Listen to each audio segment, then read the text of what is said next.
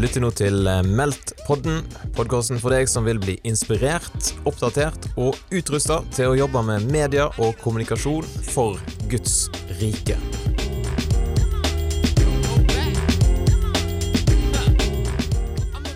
Jonas Orseth, velkommen til eh, Meldt-podden. Tusen takk.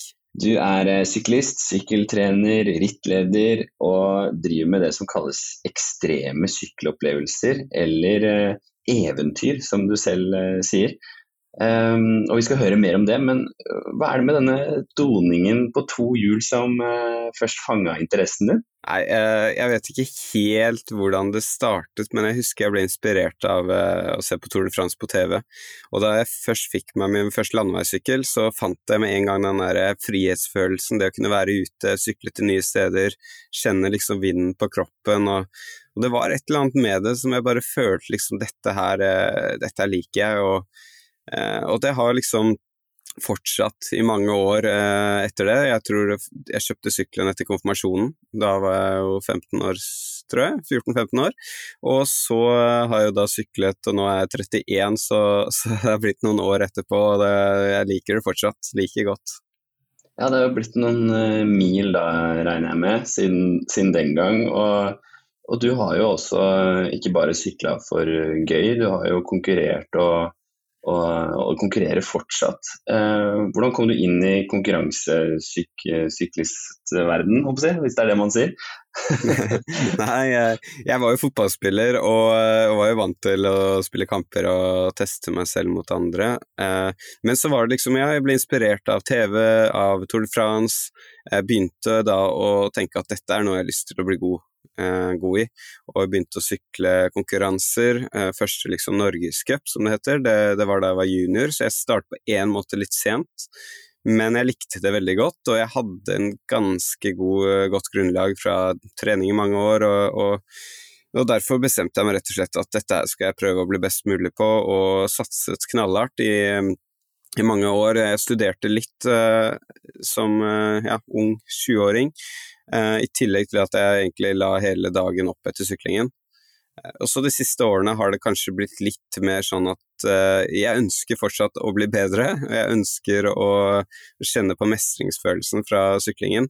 Men det er litt gøy også å gjøre litt ting rundt det, at det ikke bare blir den der syklingen og så ligge på sofaen og se på Netflix resten av dagen. Det er liksom gøy å, å gjøre noe som er litt givende også med syklingen, og ikke bare drive med selvrealisering. Ja, for du, du, har jo endret litt fokus eh, de siste årene. Vi skal, skal, komme litt inn på det etter hvert her òg. Men, eh, men, hvor intens er en treningshverdag da? Når man liksom, som du sier, du, du la opp dagen etter syklingen og studerte litt. Eh, hvor mye trener du da eh, på en uke, og, eh, og måte, hvordan ser eh, hverdagen ut? Eh, det varierer selvfølgelig ganske mye fra uke til uke, for man må jo periodisere, som det heter. At man har perioder man trener ekstra hardt, og så andre perioder man hviler litt for å få overskudd. Eh, jeg lå jevnlig da jeg var sånn 22-åring, 22-23, da trente jeg mye, og da hadde jeg flere uker jeg lå over 30 timer i uka. Så det er jo mer enn en vanlig arbeidsuke. Så da, da har man ikke så mye overskudd til å gjøre så mye annet. Uh, og jeg skjønte litt etter hvert at det var kanskje litt i overkant. Jeg hadde noen år jeg slet litt med helsen og hadde ikke helt store ja, jeg, jeg, følte ikke at jeg, jeg, ble noe særlig bedre. Eh, og de siste årene har jeg begynt å jobbe med en spansk trener, som jeg også samarbeider med, for jeg er jo trener selv, trenerutdannet og har noen utøvere jeg følger opp. Så vi jobber ganske tett, og da har jeg også blitt litt mer forsiktig med å tenke at det er om å gjøre å få mest mulig trening, for det er jo ikke det. Man skal jo ha kvalitet på det man gjør. Eh, men det er klart, ikke sant, de siste årene, og kanskje spesielt under korona, så ble det en sånn litt sånn vendepunkt der jeg tenkte at ok, her må jeg prøve å eh, liksom kunne leve av det jeg gjør, da, eh, på et vis, men også kunne gjøre det jeg liker. Og begynte jo å ekspandere, eller hva skal jeg si, uh, jobbe enda tøffere med en del av de sideprosjektene mine som som gjør at uh, hverdagen er uh, Skulle gjerne hatt flere enn 24 timer, for nå ligger jeg gjerne rundt, ja, rundt 20 timer trening i uka. Uh, noen ganger litt mer, noen ganger også litt mindre. Og så er jo hverdagen fylt ellers av sykkelaktiviteter og, og, det som kanskje er jobb. For meg er det jobb, for andre ville kanskje vært hobby, men Uh, men det er jo klart det blir noen timer foran PC-en. Ja, for du, du har jo endra litt satsing de siste årene, fra, fra landeveissyklist eh, um, og til nå mer grus og andre prosjekter. Kan du, kan du fortelle litt hva, hva består hverdagen av nå? Hvilke prosjekter er det du har i lufta? Ja, fordi at jeg, jeg satsa knallhardt, og, eh, og kanskje jeg, jeg, hadde en femteplass fra NM U23 og var jo for så vidt lovende, men jeg slo ikke helt gjennom. Eh, og jeg begynte etter hvert å få mulighet til å reise en del, så jeg har vært egentlig over hele verden med sykkelen og syklet mange steder, og etter hvert skjønt at den opplevelsen som man får fra sykkel eller fra aktiviteten, det er liksom den driver meg, da. Eh, samtidig så er det gøy å kjenne mestring, at man eh, er god på det man holder på med. Men så ble det jo sånn at etter hvert så, så fikk jeg mulighet til å sykle Trondheim-Oslo, eh, og litt overraskende på en måte så vant jeg det første gang jeg syklet det, og har vunnet det nå to ganger og en andreplass av de tre gangene jeg har deltatt. Eh, og, og, det har gått veldig bra på spesielt lange utfordringer, og jeg har skjønt at her er det noe som, passer meg bra. Eh, og det er derfor jeg kanskje også har skiftet litt mot det at ok, jeg må finne min nisje, da, eller der jeg virkelig kan skinne, og ikke nødvendigvis gå der alle andre går. Så jeg er litt, eh, jeg er blitt inspirert og liksom ønsker å på en måte gå litt egne veier og, og tenke litt annerledes. Uh, og, og, nå har jeg på en måte ja, Jeg er jo sånn selverklært sykkelproff slash sykkeleventyrer, så jeg er jo like mye kanskje eventyrer i noen sine øyne som aktiv syklist, selv om jeg fortsatt har litt ambisjoner om å sykle fort, så skal det være litt opplevelsen og de gode historiene også som jeg på en måte ønsker å ta med meg gjennom syklingen. da. Ja, og, og, dette er jo veldig spennende, da. Eh, men var det noen spesiell anledning? Du sier jo at du var ute og reiste litt og, og, sånt, men var det noe spesielt som skjedde som på en måte gjorde at du endra dette fokuset og, og begynte å sykle for, eh, for andre og ikke bare for deg selv, da, for å si det på den måten? Det er flere ting, tror jeg. Altså, det har jo vært en, en, prosess. Eh, samtidig så var det, det er noen ting som virkelig kanskje har, uh, har preget meg. Jeg, jeg, var jo i Kina og syklet der, har vært der mange ganger og syklet sykkelritt, eller fire, ja, fem ganger. Det ene året så, så, var det en som faktisk mistet livet like foran øynene mine. Han krasjet og, og slo hodet. og og det satt en støkk i meg, liksom. Da måtte jeg virkelig gå liksom inn i meg og på en måte tenke hvorfor gjør jeg det jeg gjør? Uh, og det var kanskje da jeg også ble litt bevisst på mine indre kanskje verdier, da. Jeg husker helt fra jeg var liten, så hadde jeg liksom lyst til å enten bli liksom idrettsutøver eller misjonær. Det var liksom en av de uh, to tingene jeg liksom lot meg inspirere av. Uh, og så kan det jo hende at, sånn, at jeg Jeg vil ikke kalle meg en sånn fullblods misjonær som er nede i um, Mosambik, liksom, men, men, kanskje er syklingen et sted jeg kan på en måte bidra med noe positivt, da. Og være liksom litt et lys i, uh, i det jeg holder på med. Og jeg tror jo at uh, Gud åpner dører uh, og på en måte former uh, våre ønsker og drømmer. Og da er det kanskje ikke så rart at, at jeg liker så godt det jeg holder på med, da. For det er kanskje det der jeg på en måte hører litt hjemme òg. Um, så det er nok en prosess, og så klart at når man begynner å følge det som hjertet på en måte leder deg til, og de dørene som åpnes, så, så føler jeg kanskje at, eh, at, mer og mer faller på plass. At jeg er der jeg er nå for en grunn, da. Uh, og så får vi se hvor det er om to år, om fem år. Men akkurat nå syns jeg det å kunne sykle, og være på en måte en et, Forsøke i hvert fall da, å være et forbilde i, uh, i syklingen, uten at jeg skal kalle meg en ekspert på alltid gjøre de rette valgene, men det er i hvert fall eh, å prøve å liksom være inspirert til noe positivt. Det er, det er, det er det som egentlig driver meg nå. Kult. Og, og, kanskje nå har du faktisk blitt begge deler, da. Både misjonær og idrettsutøver.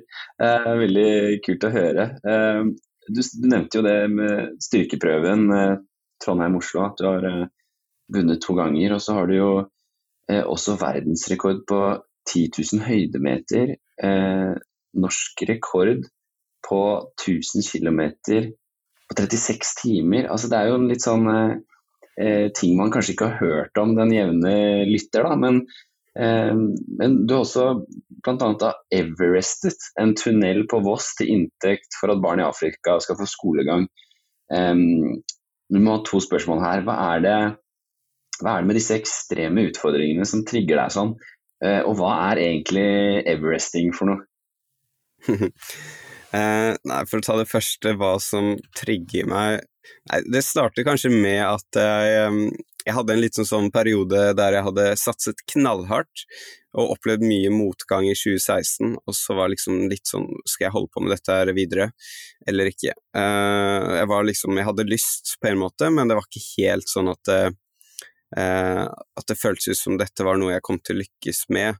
Og så la jeg opp til en sykkelrute litt for moro skyld, på 30 mil, bare for å se om det gikk, for jeg visste ikke om jeg klarte å sykle så langt. Og det gikk jo overraskende bra. Og så endte det litt senere med at uh, ja, jeg meldte meg på Trondheim-Oslo, og som jeg sa, det gikk jo veldig bra, uh, over all forventning. Og etter hvert liksom blitt litt trigga av det å utfordre meg selv litt, da, gå litt utenfor komfortsonene mine og, og, se liksom hva er det som er mulig på et vis, da. Uh, og jeg har jo lykkes med de ekstreme tingene jeg har gjort, da. Så er, jeg må jo på en måte hele tiden trigge etter noe litt tøffere.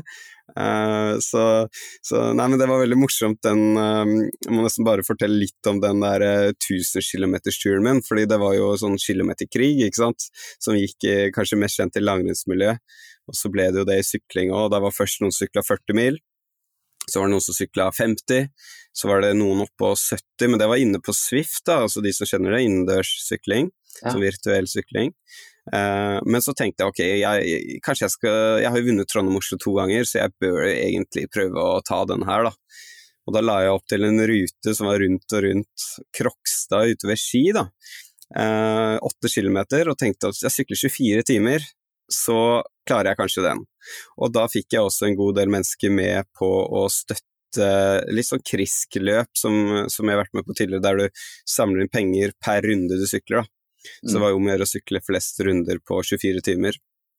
Og dette her var jo helt magisk, egentlig. Jeg starta klokka fire på ettermiddagen og sykla gjennom natta, fikk se solnedgangen, soloppgangen.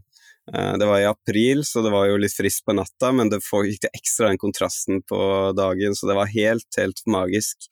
Eh, men så var det to dager før jeg dro ut, så var det faktisk noen som hadde dratt ut på denne kilometerrekorden og sykla 1000 km. Så jeg hadde det litt i bakhodet. Da skulle jeg ta rekorden, så måtte jeg faktisk først sykle 24 timer, og så måtte jeg fortsette. Og etter tolv timer så skjønte jeg at dette her, dette her går jo så bra, så det går jo som det suser, så jeg må jo bare fortsette. Uh, og da endte jeg med å sykle videre etter 24 timer, og folk rista på hodet og lurte på om jeg hadde mista helt uh, sans og samling. Uh, og så fortsatte jeg da til jeg hadde syklet litt lenger enn de andre, som hadde sykla 1005 km, og så sykla jeg 1012 km på 36 timer, da. Og nesten to netter med sykling og ja, droppa søvnen og syklet istedenfor. Så nei, men disse her turene, for å, for å summere inn på spørsmålet ditt Det er jo helt, helt ja, det er ellevilt, da. Du, ja, var, vi, må, du, må, nesten stoppe litt der, fordi, fordi da har du rett og slett altså, Hvis jeg forstår det riktig, så er du den som har syklet på en måte lengst sammenhengende i Norge uh, uten å liksom ta pause? Er det det som er uh, Ja, uten søvn. På en annen måte, liksom? Ja, så vidt jeg vet er det er det, det, uten søvn, da. Mm. Ja, og, og du, ta, du, må ha litt påfyll underveis. Hvordan gjør du det liksom med logistikken? Det, det melder seg jo noen behov både for å putte ting inn og ut, vil jeg tro. Men uh, ja, ja, ja jeg, tok, jeg tok korte, korte, pauser. Det var korte. altså det var, Jeg hadde en som hjalp meg med å ga meg flasker og sånn mens jeg syklet. altså Han sto langs veien, og jeg tok imot uh, mat og sånn. da, Langing, som det heter. Ja. Um, og så, så han var der stort sett hele, sto der hele natta. Det var jo helt utrolig. Vi hadde jo en veldig sånn bounding. da, altså Han sto der og støttet meg, jeg syklet rundt og rundt, runde på runde og det var ganske så spesielt, men ja, det var, det var krevende. Det gikk Du kom litt inn i sånn Forest Gump-mønster, ikke sant. Sånn, bare, han sier vel noe sånn uh, I just run, et eller annet sånt sier han. Og jeg følte litt det samme, jeg bare fortsetter å sykle. det, men det er noe med det er noe Når du var inne på det der hvorfor jeg gjør det, så er det noe med Når du på en måte utfordrer deg selv utenfor komfortsonen, så kommer du inn i sånn um, litt så spesiell flytsone, ikke sant. Du, du, skyver på en måte distraksjoner litt unna, og du på en måte får en litt sånn derre ja, Jeg vet ikke helt hvordan man skal forklare det, men du får en sånn indre på en måte nærhet, da. Noen vil kalle det litt sånn der åndelig kanskje nærhet. Eh, og noen kan sikkert oppleve det ved å meditere dypt, eller gå på en pilegrimsvandring der der du får skyvd også distraksjoner unna. For meg så er den syklingen, det å liksom gjøre sånne lange stunt, så får jeg på en måte en veldig sånn fred i meg, og, og det gir en veldig fin anledning for å kunne be og kjenne at man på en måte er eh, nær, da, nær mm. Gud. Se, og også når man gjør det for noe positivt, så vet man at det er ikke bare for sin egen skyld. Da. Eh, så, så, det gir meg veldig mye, så jeg prøver hvert år på en måte å gjøre noen sånne stunt. Eh, men så koster det mye krefter. ikke sant? Dette her 36 eh, var jo Dagene etter hadde jeg jo verken følelse i underlivet eller ene foten, og det var, ganske, det er ganske hardt for kroppen. Og, hvor, lenge, hvor, lenge, sov du etter en sånn uh, prøvelse? Nei, kroppen var så stressa og døgnvill at jeg, sov, jeg, sov, fem timer første natten, og andre natten så var jeg enda trøttere, men da våknet jeg midt på natta og var lys våken i noen timer fordi du, blir jo, ikke sant, du vet jo hvor døgnvill man blir av å flytte fem timer og, og, av natta, liksom. Ja. Og dette her var jo dette her var jo for Mista jo to netter, ikke sant, så kroppen var jo helt i sjokk. Så Heftig. ja. Men, men hva, er, hva, er, dette som Altså, du, du syklet um du syklet i en tunnel på Voss også, sånn fram eh, og tilbake, eller du sykla en runde den, eh, mm. den i, i Kropstad, ja. men dette var fram og tilbake, er det riktig? Og så og så Everestet du. Hva, hva, hva, er det konseptet? Jeg Kroksa var en runde på åtte kilometer. Eh, ganske flat, litt høydemeter. Jeg fikk jo 10 000 høydemeter, så det var jo totalt sett mye, da. Men så er det dette konseptet everesting, som jeg også har gjort noen ganger, og det er jo på en måte å sykle opp og ned samme bakke, tilsvarende høydemeter som Mount Everest, da, og det er 8850 høydemeter. Eh, og dette, på en måte, den utfordringen ble lagd for å liksom være så dumt og så krevende at det nesten ikke var mulig, da. Eh, å sykle opp og ned en bakke så mange ganger. Men eh, det har vist seg etter hvert det har, det har, slått litt an internasjonalt at det er mange som gjør det. Jeg har gjort det fire ganger nå. Og så Det var den gangen jeg satt verdensrekord på 10 000, så syklet jeg da Everesting og litt lenger. Og så, og gjort det i Trollstigen, og i fjor så hadde jeg lyst til å gjøre det i en tunnel, fordi at jeg syntes det var en fin symbolikk for å liksom spre lys i tunnelen når det var dystert og mørkt ute og koronapandemien herjet. Så jeg syns symbolikken var veldig, veldig Det er bra kommunikasjon. Eh, ja, jeg, jeg likte ja. den uh, selv også, og var, da syklet vi til inntekt for at barn i Afrika skulle få sykler, sånn at de kunne komme seg til skole og sykehus eller ja, apotek eller ja, rundt omkring. Fordi mobiliteten er jo kjempeviktig for at man kan komme seg til knutepunkt. da.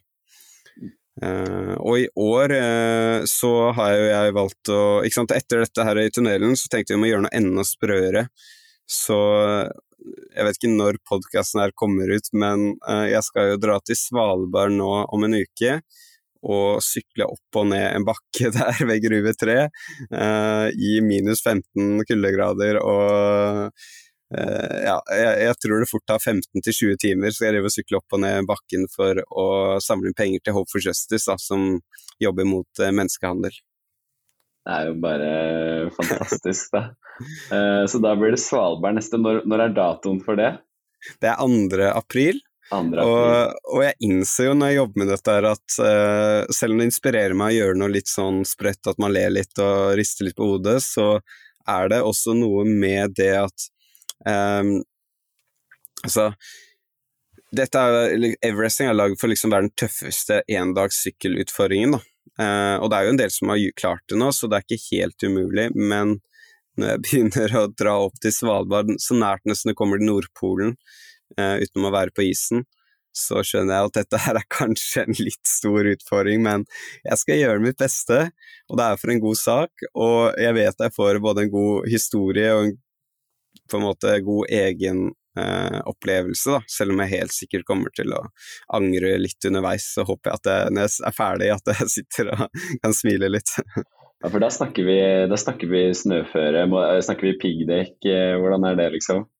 Jo, det blir, eh, det blir, eh, det er minus 15 her nå. Eh, jeg håper at det er heldig at det blir litt varmere, men det blir nok minus 7-8-10 grader. Og, og, det blir isstekt. Kanskje blir det vind. Jeg håper å unngå snøføyke. Og så er en annen utfordring jeg er selvfølgelig isbjørn, altså jeg må ha isbjørnvakt, så jeg må passe på Jeg hadde en annen rute jeg egentlig hadde lyst til å sykle, men eh, etter å ha snakket med de som på en måte hadde oversikt over veien, så anbefalte de meg ikke gjøre det pga. snøskredfare. Så det er noen andre utfordringer jeg ikke er helt vant til. Hvis jeg tar på meg journalisthatten, så høres jo dette ut som eh, en indrefilet av en eh, sak du har lyst til å skrive. Da. Hvordan er det med um, å nå ut med, med, disse sakene? Får du oppmerksomhet rundt det? Er det liksom sykkelmiljøene i verden, får de med seg hva du skal gjøre nå, liksom? Det varierer litt. Det har blitt en utrolig kamp om informasjon eh, i idrettsverdenen. Eh, tidligere så var det jo eh, avisene som hadde nesten enerett på å skrive om idrettsaktiviteter. Nå er jo sosiale medier og internett gjør at det er jo alle kan jo gjøre noen sykkelstunt, eller om det er andre sporter, da, men det blir veldig kamp om uh, informasjonen. Så det er, eh, det er, ikke sånn at det gitt, selv om dette er helt unikt sånn sett, så er det ikke gitt at jeg får ekstrem eksponering av det.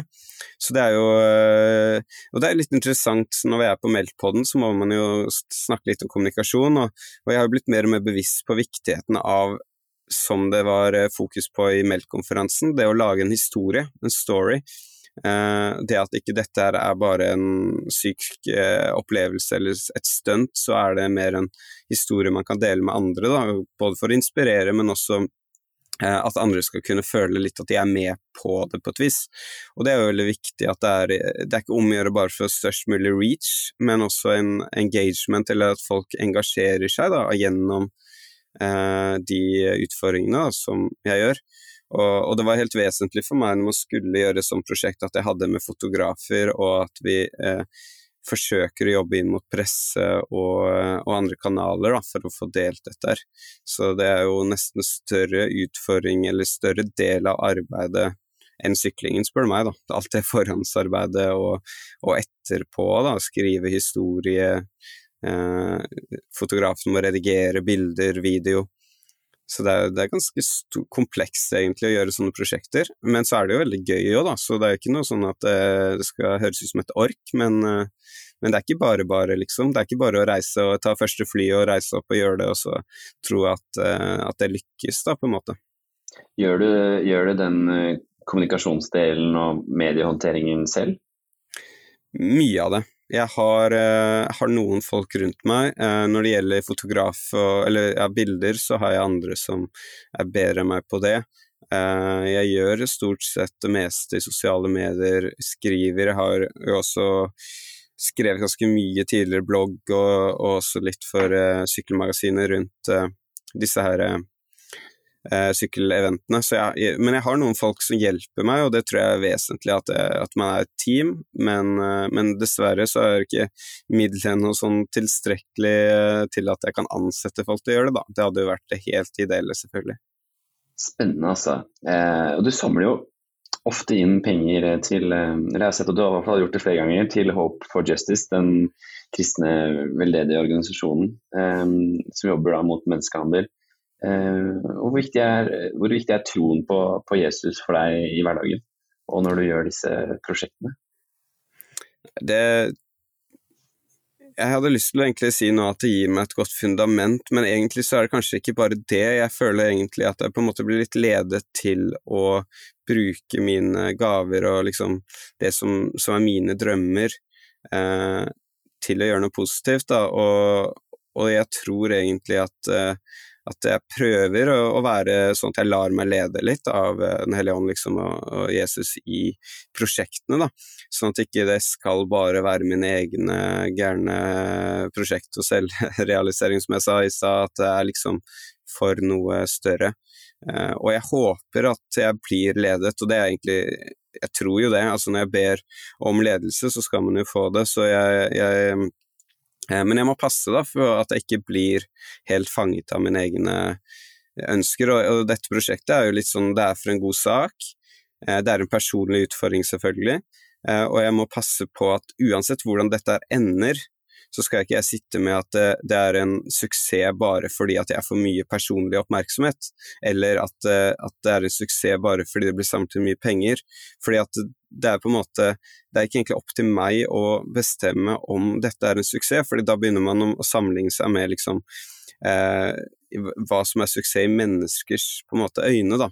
Og det er litt viktig for meg å flytte liksom litt fokus fra at alle de tingene jeg gjør, konkurranser osv., det er ikke fordi at jeg ønsker å få menneskers anerkjennelse eller min egen på en måte følelse av å lykkes, men at det faktisk er eh, til ære for Gud, og da gjør han eh, da bruker han de på den måten han vil, uansett om det er mange som nås, om det er få, eh, eller om det er jeg som formes gjennom prosjektene mine. da inspirerende å høre deg, Jonas. Jeg får lyst til å hente sykkelen og og tråkke av gårde her selv. Um, man kan sikkert følge deg på de fleste sosiale kanaler. Er det bare å søke opp navnet ditt, uh, eller?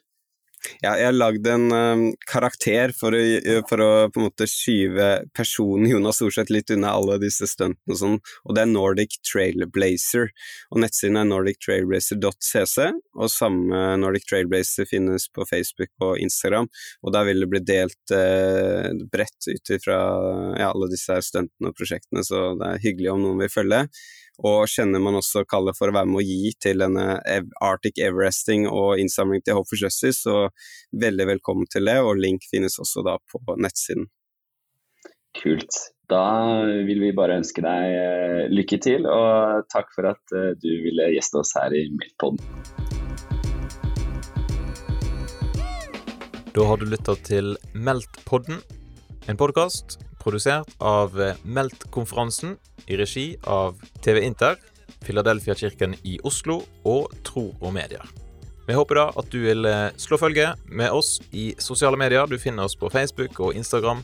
Søk etter Meldt-konferansen, så eh, kan vi kobles der.